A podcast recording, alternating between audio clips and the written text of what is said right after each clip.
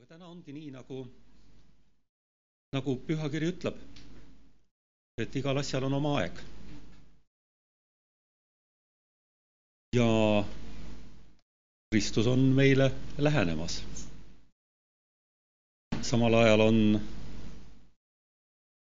ka olukordi, kus me peame leinama. ja mõnikord need satuvad ühele ajale. aga Jumala abiga me saame nende asjadega hakkama. natuke rohkem kui kaks kuud tagasi rääkisin ma sellest, et meil on meie isa palve, mis koosneb justkui kolmest osast. esimene neist on siis väike ülistuse osa, pühitsetud olgu sinu nimi.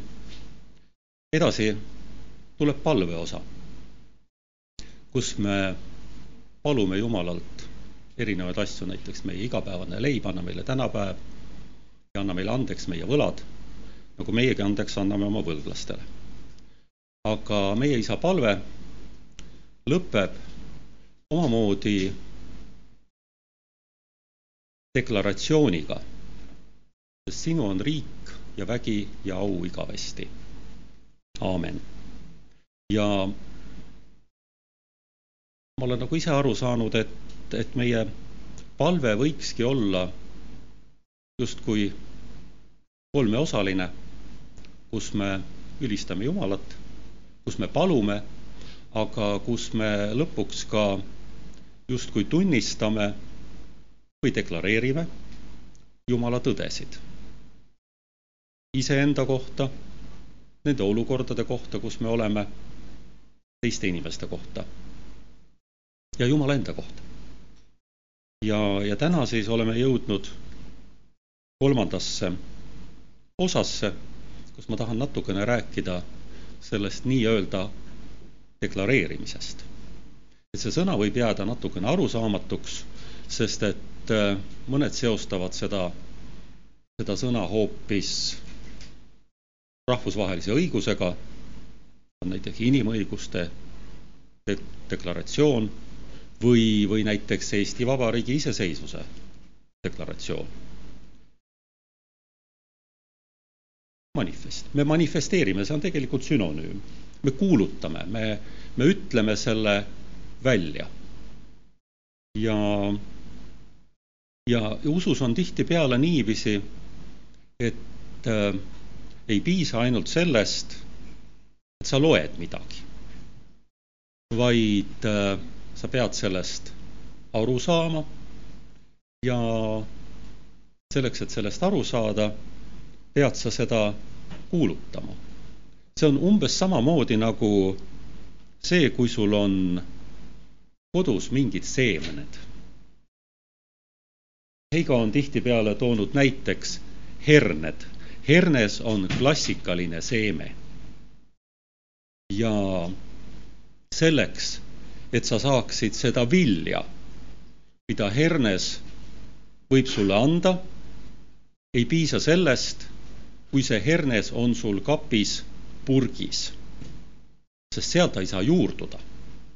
hernes tuleb panna mulda ja lasta tal juurduda. see on ka valus. Leho, järgmine kord proovi niiviisi. ja, ja, ja siis ta, siis ta juurdub ja siis ta kannab vilja ja, ja tegelikult on Jumala sõnaga täpselt samamoodi, ta peab juurduma enne, kui ta saab vilja kanda. ja see on üks minu, minu lemmikteemasid, millest ma olen palju rääkinud nii kirikus kui ka väljaspool kirikut, on see, kui olulised on need asjad, mida me ütleme. õpetussõnad kaheksateist kakskümmend ütleb, oma suu viljast saab mehe kõht täis, ta küllastub oma huulte saagist surm ja elu on keele võimuses ja kes seda armastab, saab süüa selle vilja. kes seda armastab, see tähendab, et kes seda kuulutab, mida sa kuulutad oma suuga.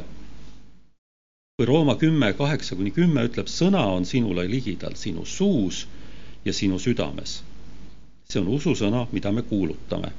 Sest kui sa oma suuga tunnistad, et Jeesus on issand ja oma südames usud, et Jumal on tema surnuist üles äratanud, siis sa saad õndsaks. kaks asja. tunnistad suuga, aga usud oma südames. ja see usk südamesse tegelikult ei jõua enne, kui seda on suuga tunnistatud. Markuse neli seal on mitmed tähendamissõnad, tähendamissõna küünlast ja seemne kasvust, ma loen kahekümne kuuendast salmist ja ta ütles, nõnda on Jumala riik, otse kui inimene viskab seemet maa peale. Leho, herned, need on sinu herned. nõnda on Jumala riik, otse kui inimene viskab seemet maa peale ja heidab magama ja tõuseb üles öösel ja päeval ja seeme tärkab ja sirgub nõnda ta isegi ei tea, kuidas. et sa isegi ei pea olema agronoom või molekulaarbioloog, et aru saada, miks see nii juhtub. sa lihtsalt külvad ja sa ei teagi, kuidas ta hakkab vilja kandma. aga Markuse neli neliteist ütleb, külvaja külvab sõna.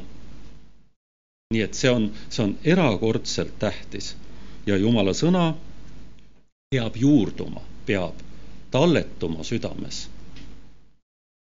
ja, ja selleks on üks, tähendab, mul on, mul on niiviisi, et nendel teemadel rääkides ma üritan võimalikult vähe äh, tõlgendada midagi ja võimalikult rohkem võtta seda, mis on pühakirjas selle kohta kirjutatud. loomulikult herneste kohta ma pean eraldi loengu pidama Lehole, see on arusaadav, aga, aga kõik muu on nagu otse otse pühakirjast.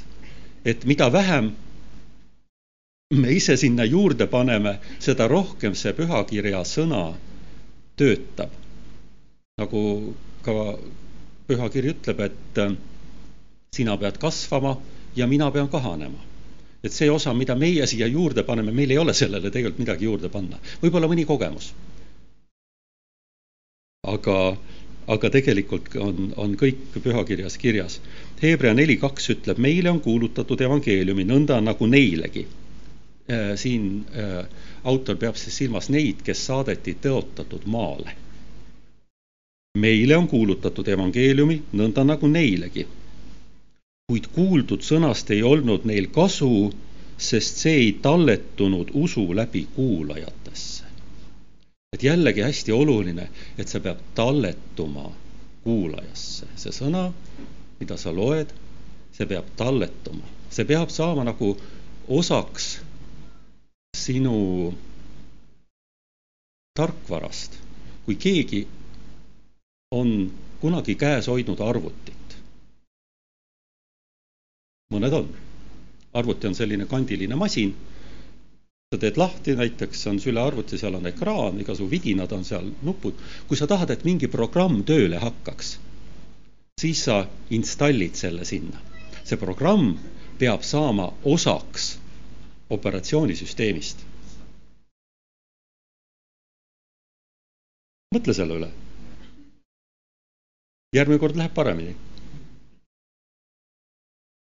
sest kui see programm jääb sulle internetti kuskile või mälupulga peale ega ei saa osaks sellest operatsioonisüsteemist, siis ta ei hakka tööle.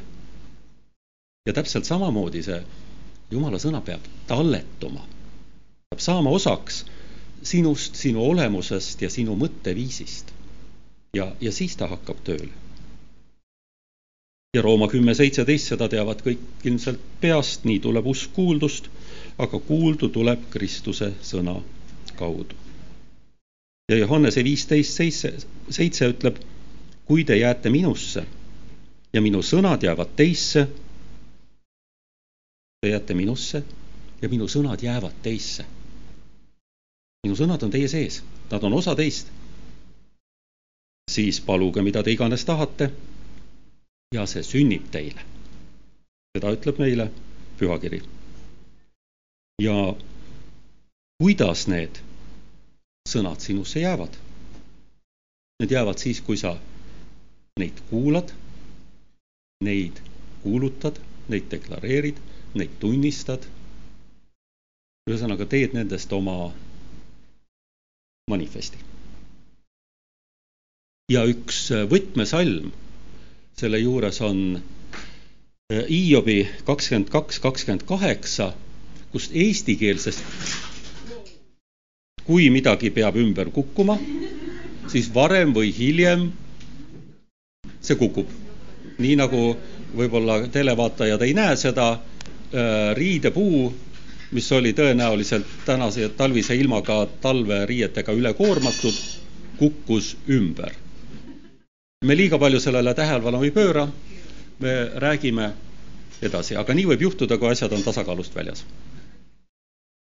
Hiobi kakskümmend kaks, kakskümmend kaheksa. Eestikeelses tekstis on nõnda. kui sa midagi ette võtad, siis läheb see sul korda ja sinu teede peale paistab valgus. see on väga hea salm. kui sa midagi ette võtad, see läheb sul korda. nüüd teistes keeltes see sõna ette võtad on tõlgitud teistmoodi.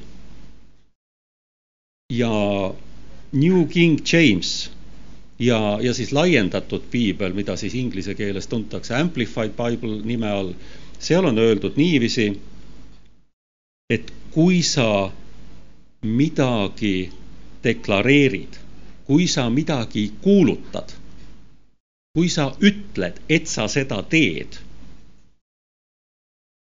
siis sa saad selle. kui sa kuulutad, kui sa deklareerid, siis see sünnib sinule ja sinu teede peale paistab valgus. ja minu jaoks on see selle teema tõesti selline võtmesõna, asjad saavad alguse sellest, et sa teed otsuse ja kuulutad seda. ja sellest edasi mm, on, on veel paar äh, kirjakohta, mida me peame teadma, miks äh, just see sõnadega väljaütlemine see tunnistamine on hästi oluline. ilmutuse kaksteist kümme.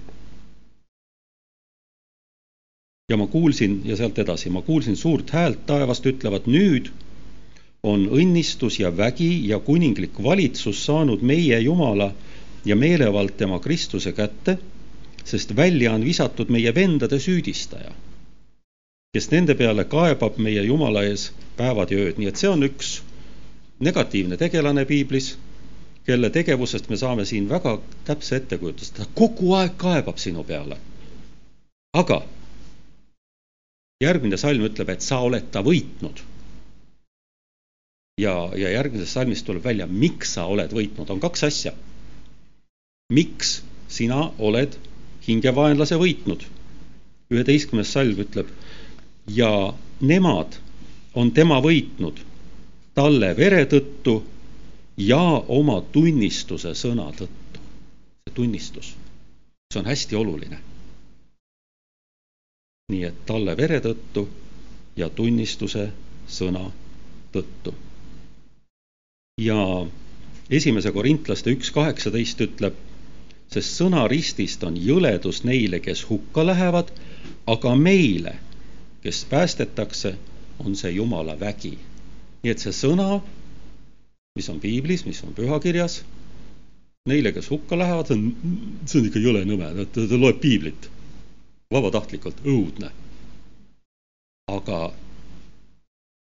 meile, kes päästetakse, see on Jumala vägi, see tähendab, et see sõna, mida sa kuulutad, mida sa deklareerid, mis on saanud osaks sinust, see on Jumala vägi.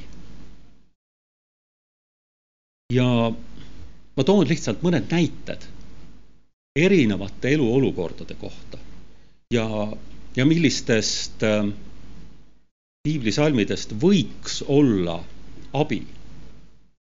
sest on ju niiviisi, et äh,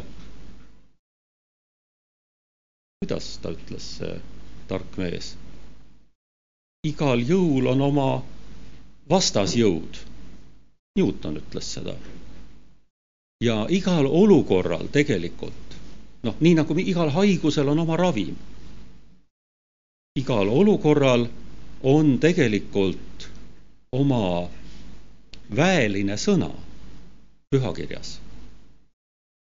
ja, ja on hea see üles leida ja, ja seda enda kohta kuulutada. kas siis enda kohta või oma lähedaste kohta või Vabariigi Valitsuse kohta või kas või presidendi kohta. et on, on erinevad olukorrad. ja ma ei tea, kui palju teist on näiteks tundnud oma elus kunagi, et olukorrad käivad nagu üle pea. sa, sa, sa ei saa nende asjadega hakkama.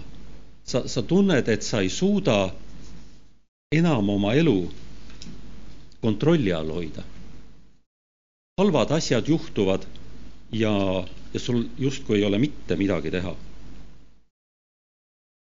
ja siis on hea hakata vaatama, millist tabletti võtta. ja, ja ma nüüd loetlen mõningad tabletid, mida sellistes olukordades võtta, kui, kui sa tunned, et asjad on kontrolli alt välja läinud. esimese Johannese neli neli Teie, lapsukesed, oled Jumal, olete Jumalast ja olete nad ära võitnud, sest suurem on see, kes on teie sees, kui see, kes on maailmas. seda salmi ei pea mitte ainult lugema, vaid tõesti deklareerima ja, ja uskuma.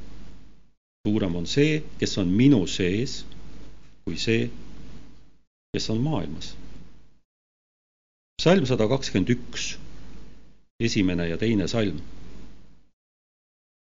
kõik, kõik on sassis ümberringi. kuskilt ei ole kinni võtta. aga see pühakirja tekst ütleb, ma tõstan oma silmad mägede poole, kust mulle abi tuleb. abi tuleb mulle Jehova käest, kes on teinud taeva ja maa. see on palju suurem kui need olukorrad. jumal tuleb sulle appi Luuka kümme üheksateist. sul on selline tunne, et sind tambitakse maa sisse ja, ja ma ütlen ausalt, selline tunne on täiesti reaalselt olemas. elus tuleb selliseid olukordi ette, kus sa tunned, et, et sa oled nagu ninapidi mudas. ja kõik käivad üle su selja. aga pühakiri ütleb, vaata, Luuka kümme üheksateist, ma olen andnud teile meelevalla kõndida madude ja skorpionide peal ja vaenlase kogu väe peal ja miski ei tee teile iial kahju. ütleb, et olukord on vastupidi. sinul on meelevald kõndida nende peal, mitte nendel sinu peal. ja üks minu lemmiksalme, sellistes olukordades, kus sa tunned, et tõesti noh, sa oled nagu lutikas ja keegi tuleb ja teeb sinuga niiviisi. Apostlite üheksa kakskümmend kaks ütleb aga Saulus läks järjest vägevamaks. ei hakka seda lugu rääkima, mis temaga teha taheti, aga pühakiri ütleb, et ta läks järjest vägevamaks.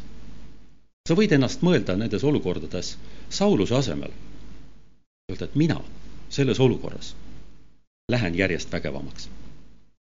et need on mõned salmid, aga, aga neid on kindlasti veel ja igaüks leiab endale endale sobiva. kui tihti olete te mõelnud sellele, et te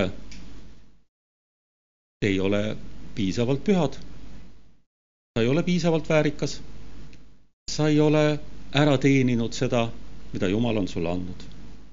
sa oled vääritu. ja eriti hea on seda tunda siis, kui keegi teine seda sulle ütleb veel. mõni kolleeg ütleb, et kuule, sa oled üks, vilets vend oled sa ei saa mitte millestki aru. ja kui sind kritiseeritakse ja rünnatakse ja nii edasi ja nii edasi. sa oled kõlbmatu.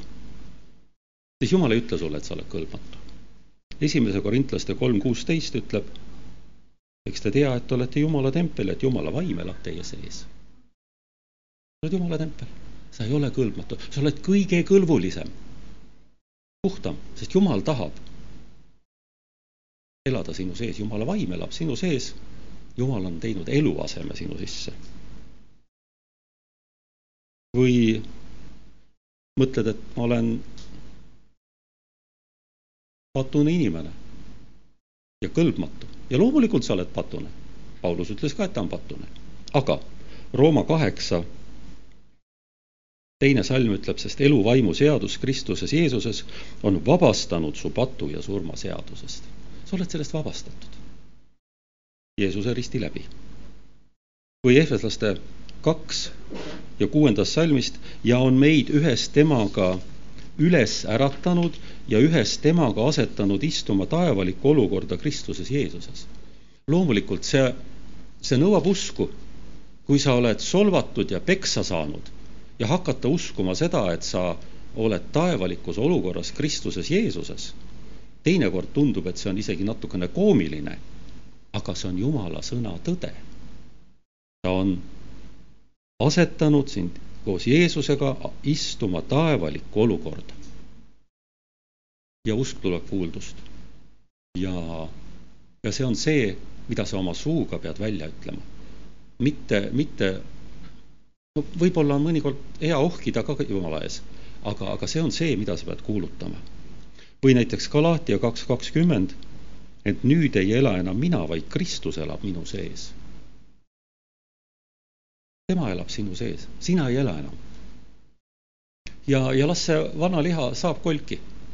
aga sina oled uus loodu ja Kristus elab sinu sees. mõnikord tundub, et kõik asjad lähevad niiviisi edasi, nagu vanasti oli. mitte midagi head ei tule, mitte midagi ei muutu. siis on kaks väga head salmi, mida tasub lugeda sel puhul ja, ja endale rääkida neid. Jesaja nelikümmend kolm üheksateist. vaata, mina teen hoopis uut. see juba tärkab, kas ta ei märka, ma teen kõrbessegi tee ja tühjale maale jõed. sa võid tunda ennast nagu kõrb, kus mitte midagi ei toimu. aga Jumal ütleb, et ma teen kõrbessegi tee ja tühjale maale jõed. ja ilmutuse kakskümmend üks viis. Ja troonil istuja ütles, vaata, ma teen kõik uueks mulle tundub, et kõik on vanaviisi, aastaid on kõik olnud täpselt ühtemoodi, mitte midagi ei muutu. see kõrb jätkub ja jätkub ja jätkub.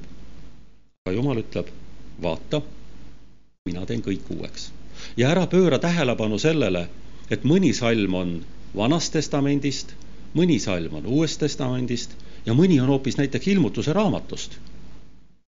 sest Jumala sõna on tervik ja jumala sõna on igavikuline. et, et tihtipeale noh, on, on neid, kes Vana Testamendi mõnikord üldse kõrvale jätavad, ütleb, et see on juba möödunud, et me võtame ainult Uuest Testamendist, aga tegelikult Jumala sõna kehtib kogu aeg ja kogu Jumala sõna kehtib kogu aeg. et kui sa leiad ilmutuse raamatust hea salmi, võta see endale. Kui sa leiad esimesest Moosese raamatust mõne hea salmi, võta see endale üks salm, mis mulle väga meeldib, on see, et kui Jumal oli maailma loonud ja inimese ka, siis ta ütles, vaata, see on, see on hea. mõnikord mulle tundub, et ma ei ole päris hea, aga Jumal ütleb, see on hea. võta see salm endale ja kuuluta seda endale. mõnikord tundub meile, et me ei jaksa enam, me oleme väsinud. võib-olla teie hulgas selliseid ei ole, aga, aga minul on küll mõnikord selline tunne, et enam ei jaksa. mitte ainult rahvajooksudel, vaid muidu ka, päriselus ka ja Jesaja nelikümmend, kakskümmend üheksa kuni kolmkümmend üks. tema annab väsinule rammu ja jõuetule palju jõudu. poisid väsivad ja tüdivad küll, noored mehed koguni komistavad, aga kes ootavad Jehovat, saavad uut rammu. Need tõusevad tiibadega üles nagu kotkad, nad jooksevad ega tüdi, nad käivad ega väsi. või Philippi neli kolmteist. ma suudan kõik temas kes mind teeb vägevaks. ja neid salme on kindlasti veel. väga palju on mõtteid seoses tervisega. kõik teised saavad terveks, mina ei saa kunagi. Aga pühakiri ütleb hoopis teistmoodi, ta ütleb sinule konkreetselt täna, et kui sul, kui sul, kui kellelgi on praegu mingisugune tervisehäda siis pühakiri ütleb konkreetselt sinule täna niiviisi. tõepoolest võttis ta, see on siis Jesaja viiskümmend kolm, neli ja viis, tõepoolest võttis ta enese peale meie haigused ja kandis meie valusid, mitte kellegi teise, vaid sinu konkreetselt. Meie aga pidasime teda vigaseks, jumalast pekstuks ja vaevatuks. ent teda haavati meie üleastumiste pärast, löödi meie süütegude tõttu karistus oli tema peal, et meil oleks rahu ja tema vermete läbi on meile tervis tulnud. et nõnda ütleb siis Jumal sinule täna, konkreetselt sinule. Neid kirjakohti on veel ja, ja, ja kindlasti tasub lugeda paralleelkirjakohti ja võib-olla on mõni sõnastus, mis sulle rohkem sobib ja meeldib, aga see on fundamentaalne. võib juhtuda, et, et sulle tundub, et õnnistused, igasugused õnnistused tabavad kõiki teisi, aga mitte sind. selline mulje võib mõnikord jääda, eriti Facebooki kommuunides, kus või ma ei tea, vot ma, ma, mina ei tea, mis asi on TikTok näiteks. Aga seal mõnikord tunneb, et neid õnnistatud inimesi ja õnnelikke inimesi on maailmas rohkem, kui üldse inimesi kokku on. et ja, ja inimestel läheb kogu aeg väga hästi ja meile võib jääda mulje, et teistel läheb hästi ja sinul ei lähe. naabrimees sai oma sokipildi eest palju rohkem laike, kui sina said no ma ei, ma ei tea, kui mõistlik on neid sokipilte sinna panna, aga no seda tehakse, inimestel on sellised huvialad lihtsalt panna erinevaid pilte. Muidugi, kui sa oled ise need sokid heegeldanud või kudunud või sa oleks, võib-olla isegi on mõistlik panna, aga kui need on triibulised suvasokid, siis ma ei tea, kas sellel mõtet on. okei okay,, küsimus selles, et, et teised kõik on õnnistatud. mind need õnnistused ei taba. võta pühakiri ja viienda Moosese kakskümmend kaheksa, salmid üks kuni neliteist ja loe kas või kümme korda, kakskümmend korda, kolmkümmend korda seal on öeldud teisest salmist. Ja kõik need õnnistused saavad sulle osaks, mitte naabrimehele, temale ka. ära mõtle selle peale, kas naabrimees saab õnnistatud, ei ole üldse sinu probleem. kõik need õnnistused saavad sulle osaks ja tabavad sind, kui sa võtad kuulda issanda oma Jumala häält ja siis tulevad järjest õnnistused. Ja loe neid ja mõtle nende peale. Ja, ja võta need endasse ja, ja usu neid. Ja, ja kui sulle tundub, et, et sa oled selles maailmas kõigest heast ilma jäänud ja, ja ka selline tunne on täiesti loomulik ja täiesti igapäevane ja see puudutab ka kristlasi. et tihtipeale me oleme rõõmsad ja naeratame, aga tegelikult äh, lähme pärast jumalateenistust kirikust välja, ütlevad, minuga nagunii mitte midagi ei juhtu, ma olen kõigest heast ilma jäänud. siis võta laul kakskümmend kolm laul kakskümmend kolm. See on vana laul. ja ongi vana laul, mida vanem, seda parem. ja ta ütleb, Jehova on mu karjane, mul pole millestki puudust. paljale asale paneb ta mind lebama, hingamise veele saadab ta mind, tema kosutab mu hing. see on sinule, see, see on sinule kirjutatud. kui Jumal lõi taeva ja maa ja mõtles, mida ta sinna pühakirja sinu jaoks kirjutab, siis laulu number kakskümmend kolm, usu või ära usu, ta kirjutas sinule, konkreetselt, sinu peale mõeldes. see on sinu laul, võta see endale. Jesaja kolmkümmend kolm kuus. see on ka sinu jaoks kirjutatud. tema on su aegade tagatis, abiküllus, tarkus ja tunnetus, Jehova kartus, see on Sioni rikkus jumal on sinu aegade tagatis. Mitte miski muu, mitte inimesed, mitte loteriipilet, mitte mingid muud asjad, vaid tema on sinu aegade tagatis. ja salm kolmkümmend neli, kümme, üksteist, kartke Jehovat, tema pühad. sest neil, kes teda kardavad, ei ole millestki puudust noored lõukoeradki närbuvad ja on näljas, aga kes Jehovat otsivad, neil ei puudu miskit head. meelde. Neil, kes Jehovat otsivad, ei puudu miskit head. ja võib juhtuda, et sul on elus olukord, kus igasugused apsakad, õnnetused mingid jamad juhtuvad järjest ja järjest ja järjest. mäletate, mis ma alguses ütlesin, on üks vend, kes kogu aeg kaebab sinu peale. ja võib juhtuda, et tal on isegi mingisugune mõju, et ta, ta suudab sinu elu nagu mõnes asjas tuksi keerata.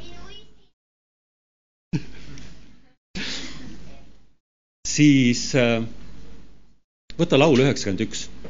Täna oli ülistuse ajal sellest natukene juba juttu. aga, aga see on hästi oluline, see on üks, üks tähtsamaid laule, mille Jumal on sinule kirjutanud. ma loen lihtsalt mõned salmid algusest. kes kõige kõrgema kaitse all elab ja alati kõigeväelise varju all viibib, see ütleb Jehovale, sina oled mu varjupaik ja mu kindel mäelinnus, mu Jumal, kelle peale ma loodan, sest ta kisub sind välja linnupüüdja paelust hukkava katku käest. aga terve see laul on hästi oluline. ma loen ka seitsmenda salmi. langegu tuhat su kõrvalt ja kümme tuhat su paremalt poolt, sinu külge see ei puutu need haigused, mis meil siin on, ei puutu sinu külge. kas see tähendab, et sa võiksid lõdvaks lasta? Ma arvan, et nii palju, kui Jumal on meile mõistust andnud. me kaitseme ennast ka olemasolevate meditsiiniliste vahenditega, nagu praegu sellest pildist näha on. meil on maskid ees. see on väga mõistlik. kes on tahtnud ennast vaktsineerida, vaktsineerib. kes tahab pidada distantsi seda nimetatakse sotsiaalseks distantseerumiseks. tegelikult on see muidugi füüsiline distantseerumine, mitte sotsiaalne. siis distantseerume, ei käi rahvarohketes kohtades, ei küsi endale naabrimehelt viirust, nii nagu mõned siin on tõesti kuskil gruppides olevat juttu olnud, et kui saaks kuskilt kellegi, kes on nakatumisvõimeline, siis nakataksin ennast, siis, siis ei pea vaktsineerima. see on ikka erakordselt rumal jutt. erakordselt rumal aga kõik selle, mida me saame teha enda kaitsmiseks, me teeme. ja, ja minu kadunud isa ütles ikka, et kes ennast ise kaitseb, seda kaitseb ka Jumal. aga, aga mäletate, kui Luuka evangeeliumi alguses oli, saatan tahtis Jeesust kiusata ja viis ta sinna katusharjale, ütles hüppa alla, inglid hoiavad sind. Jeesus ütles, sina ei pea mitte issandat oma Jumalat kiusama sa ei pea meelega endale mingeid jamasid kaela võtma ja, ja, ja nimme panema ennast olukordadesse, kus sa näiteks selle viiruse võiksid saada. Me ei tea täpselt, mida see viirus meie organismidega teeb, peale selle, et meil on nohud või köhad või asjad või palavikud, me ei tea veel täpselt. aga, aga jumal kaitseb sind. aga ole ise ka valvas langegu tuhat su kõrvalt ja kümme tuhat su paremalt poolt, sinu külge see ei puutu. teeme siis kõik endast sõltuva, et see meie külge ei puutuks. sa võid olla masenduses. kas keegi on elus olnud masenduses? Ükskord oli. kuuekümne kaheksandal aastal, eks ole. jah, no tuleb ette, selliseid olukordi tuleb ette. jumalal on mitu tabletti masenduse vastu. Hebra üks üheksa sa armastad õigust ja vihkad ülekohut, sellepärast on Jumal, sinu Jumal sind võidnud rõõmuõliga enam kui su kaaslasi. ja teinekord, kui on masendus, siis on üsna raske alguses ette kujutada, et see rõõmuõli üldse kuskil olemas on. Aga usu läbi ta tuleb. ja kui sa selle rõõmuõli kätte saad, siis sa üldse ei saa aru, kuidas see masendus üldse sulle ligi pääses. sa saad aru, et seda tegelikult ei olnud olemas. Jesaja kuuskümmend üks kolm tasuma Sioni leinajale, andes neile lauba ehte tuha asemele, rõõmuõli leina asemele, ülistusrüü kustuva vaimu asemele. ja see kustuv vaim ingliskeelsetes tõlgetes on raskuse vaim. Ma arvan, et see tunne ei ole sulle võõras, kus sa tunned, et, et, et nagu tohutu raskus on sinu peal. see on raskuse vaim. aga, aga Jumal ütleb, et sulle on selle asemel antud rõõmuõli ja ülistusrüü, kuidas sa saad raskuse vaimust läbi. rõõm, issandas, on sinu tugevus ja sa ülistad Jumalat. ja muidugi laul kolmkümmend seitse on, on väga hea. Neljas salm, olgu su rõõm Jehoovast, siis ta annab sulle, mida su süda kutsub. viies salm, veereta Jehova peale oma tee ja looda tema peale, küll ta toimetab kõik hästi kaheksateistkümnes, üheksateistkümnes salm. Jehova tunneb laitmatute päevi ja nende pärisosa jääb igavesti. Nemad ei jää häbisse kurjal ajal ja näljapäevil on neile küllalt. ja üks selle valdkonna minu jaoks võtmesalm on laul kolmkümmend seitse, salm kolmkümmend üheksa. sa tahad, et sinu elus juhtuks midagi head. ja sa oled oma lootuse pannud oma töölepingu peale, oma tööandja peale, võib-olla pimeda juhuse peale, äkki tuleb, äkki, äkki kuskilt midagi head tuleb. aga salm kolmkümmend üheksa ütleb, kuid õigete õnnistus tuleb Jehova käest tema on nende tugev kaitse kitsikuse ajal. ja kui jumal tahab, siis ta kasutab sinu ülemust selleks, et sulle preemiat maksta. või palka tõsta või midagi muud, aga ta võib muid olukordi kasutada. kõik on tema käes. kuid õigete õnnistus tuleb Jehova käest, tema on nende tugev kaitse kitsikuse ajal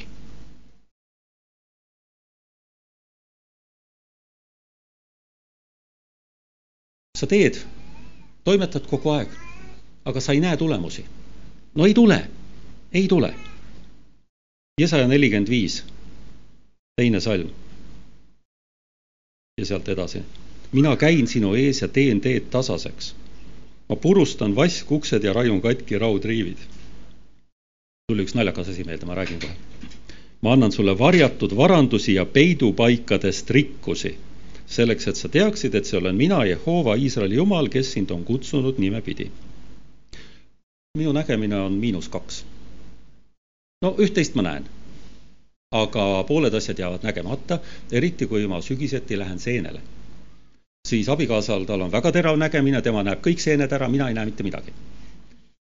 aga siis ükskord, kui me olime seenel, mulle tuli see salm meelde.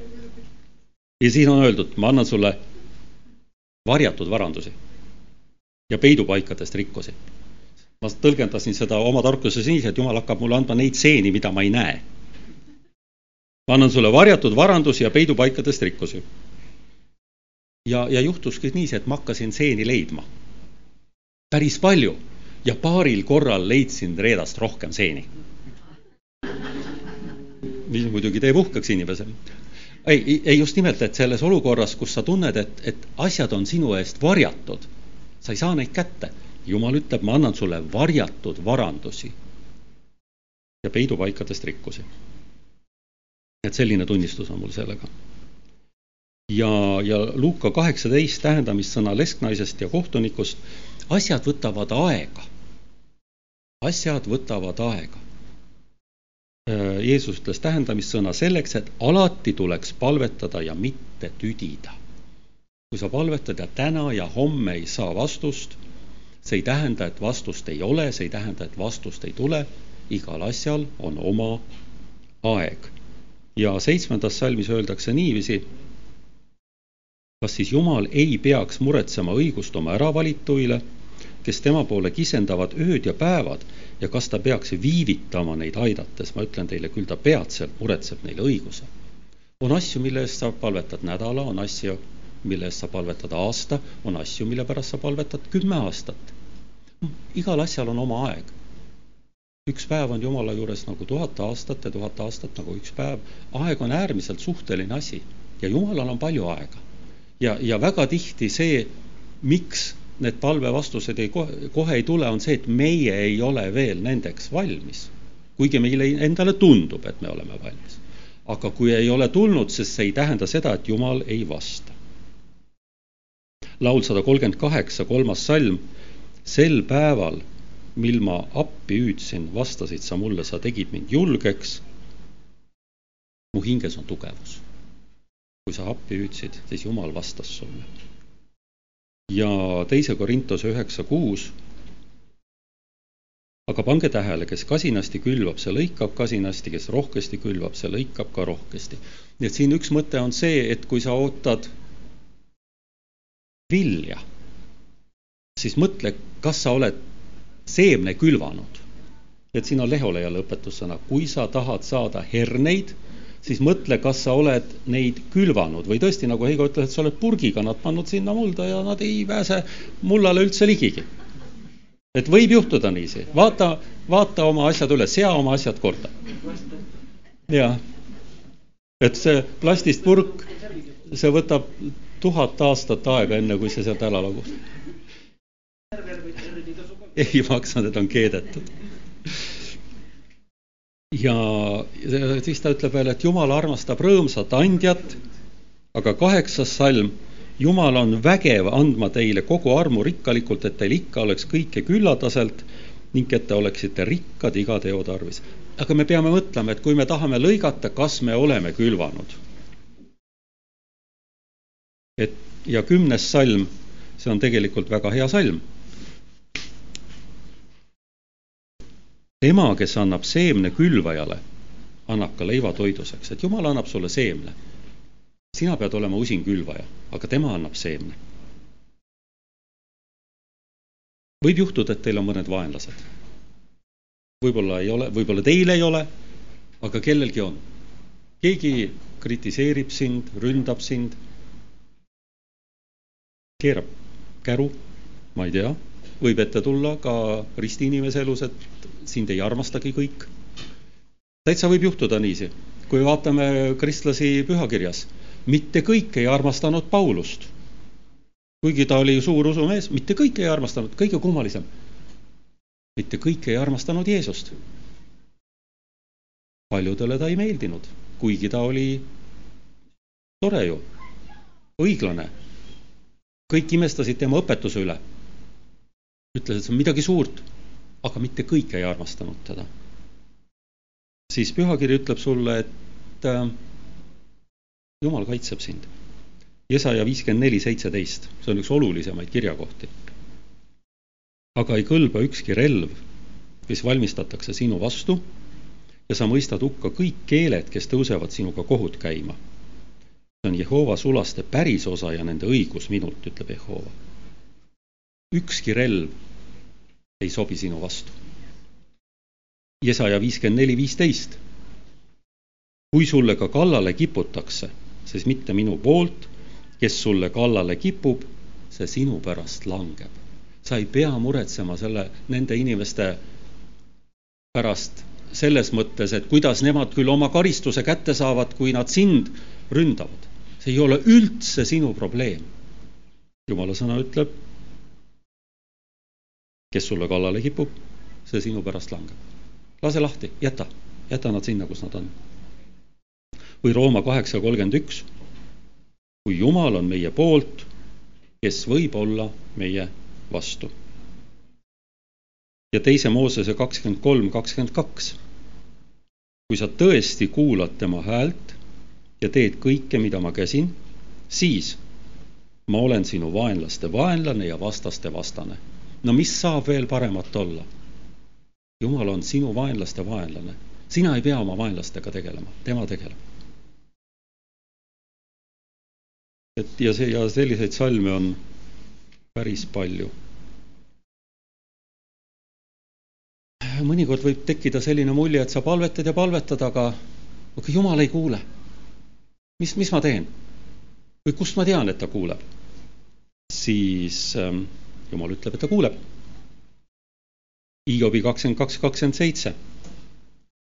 kui sa teda palud, siis ta kuuleb sind.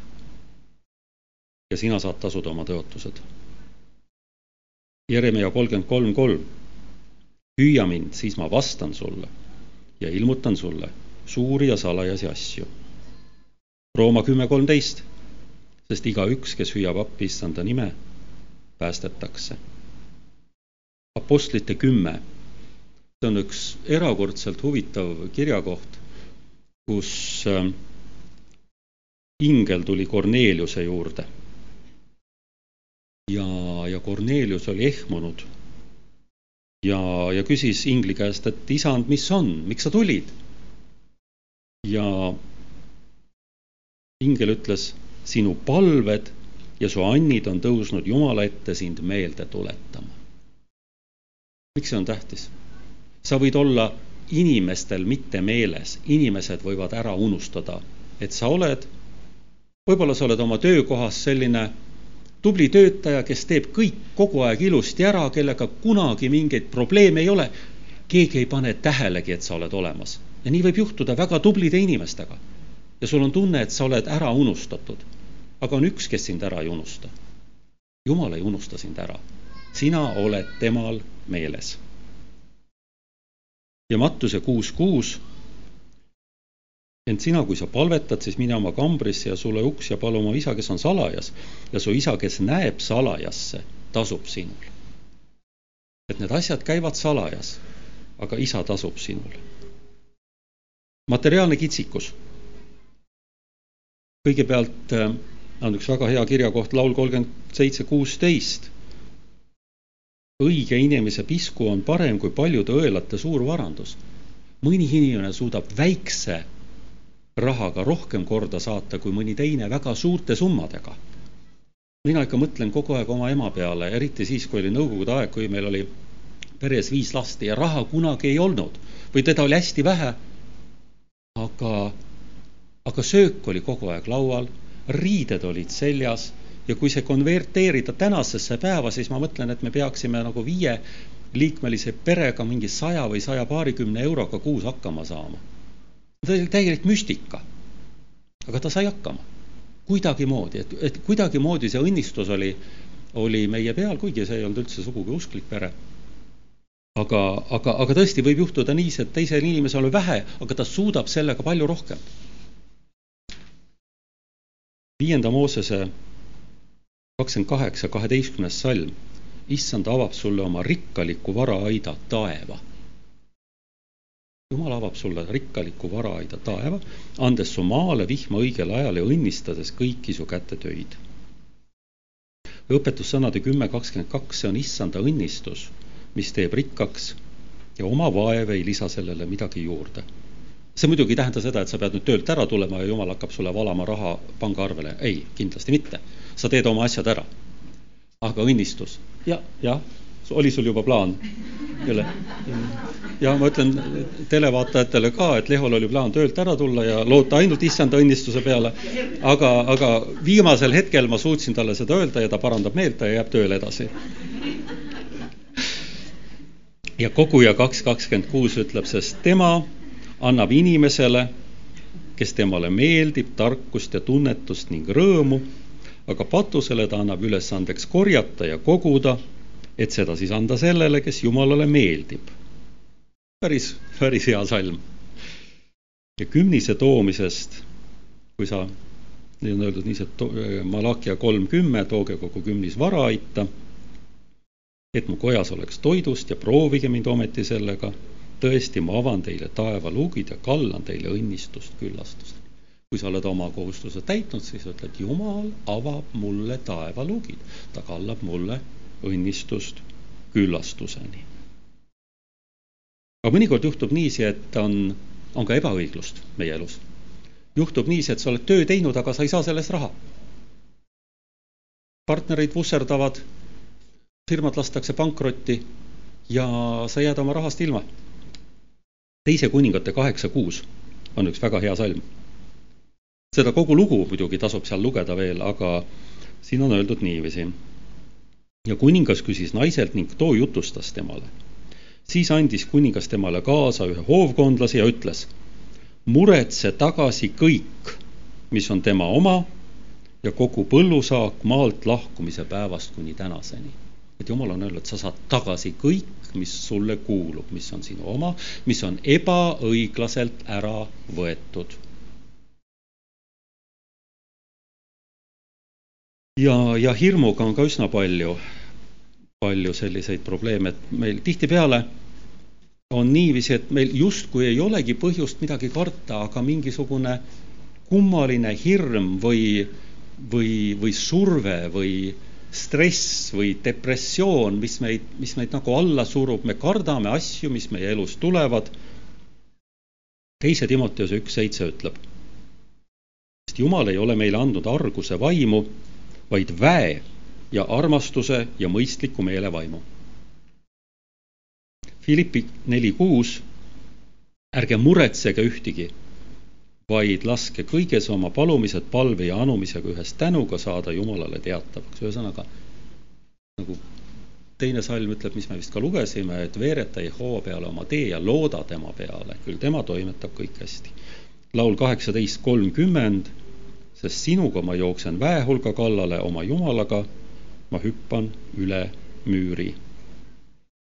ja lõpetuseks mis, mis meid kõige rohkem muretsema paneb, nagu vanasõna ütleb, väiksed lapsed väiksed mured, suured lapsed suured mured, me muretseme väga palju oma laste pärast. me hoiame neid südames, aga tihtipeale meil on nende pärast mure, mis neist saab, kas kõik läheb hästi. jumal ütleb, et läheb hästi.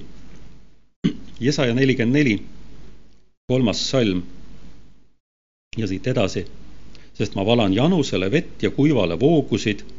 Ma valan sinu soo peale oma vaimu ja su järglaste peale oma õnnistuse, et nad võrsuksid kui roogude vahel, otse kui remmelgad veeojade ääres. see käib sinu laste kohta. viienda Moosese seitse üheksa ja tea, et Jehova su Jumal on Jumal, ustav Jumal, kes lepingut peab ja heldust osutab tuhandest põlvest saadik neile, kes teda armastavad ja tema käske peavad. tuhandest põlvest, mitte ainult lapsed, lapselapsed, lapselapselapsed, vaid tuhandest põlvest. salm sada kolm, seitseteist. aga Jehova heldus on igavesti nendele, kes teda kardavad ja tema õigus jääb lastelastele. Neile, kes peavad ta lepingut ja mõtlevad tema korraldustele, et teha nende järgi.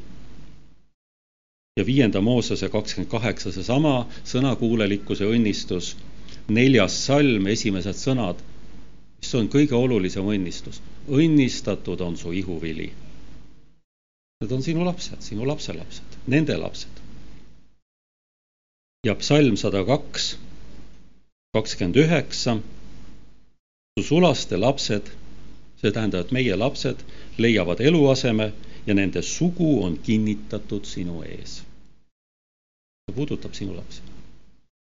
et äh, ja neid eluolukordi on kümneid ja kümneid ja kümneid veel ja neid Jumala julgustavaid sõnu on tuhandeid.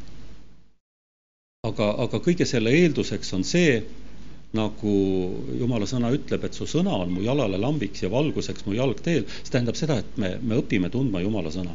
me peame rohkem aega veetma sellega, seda tundma õppima.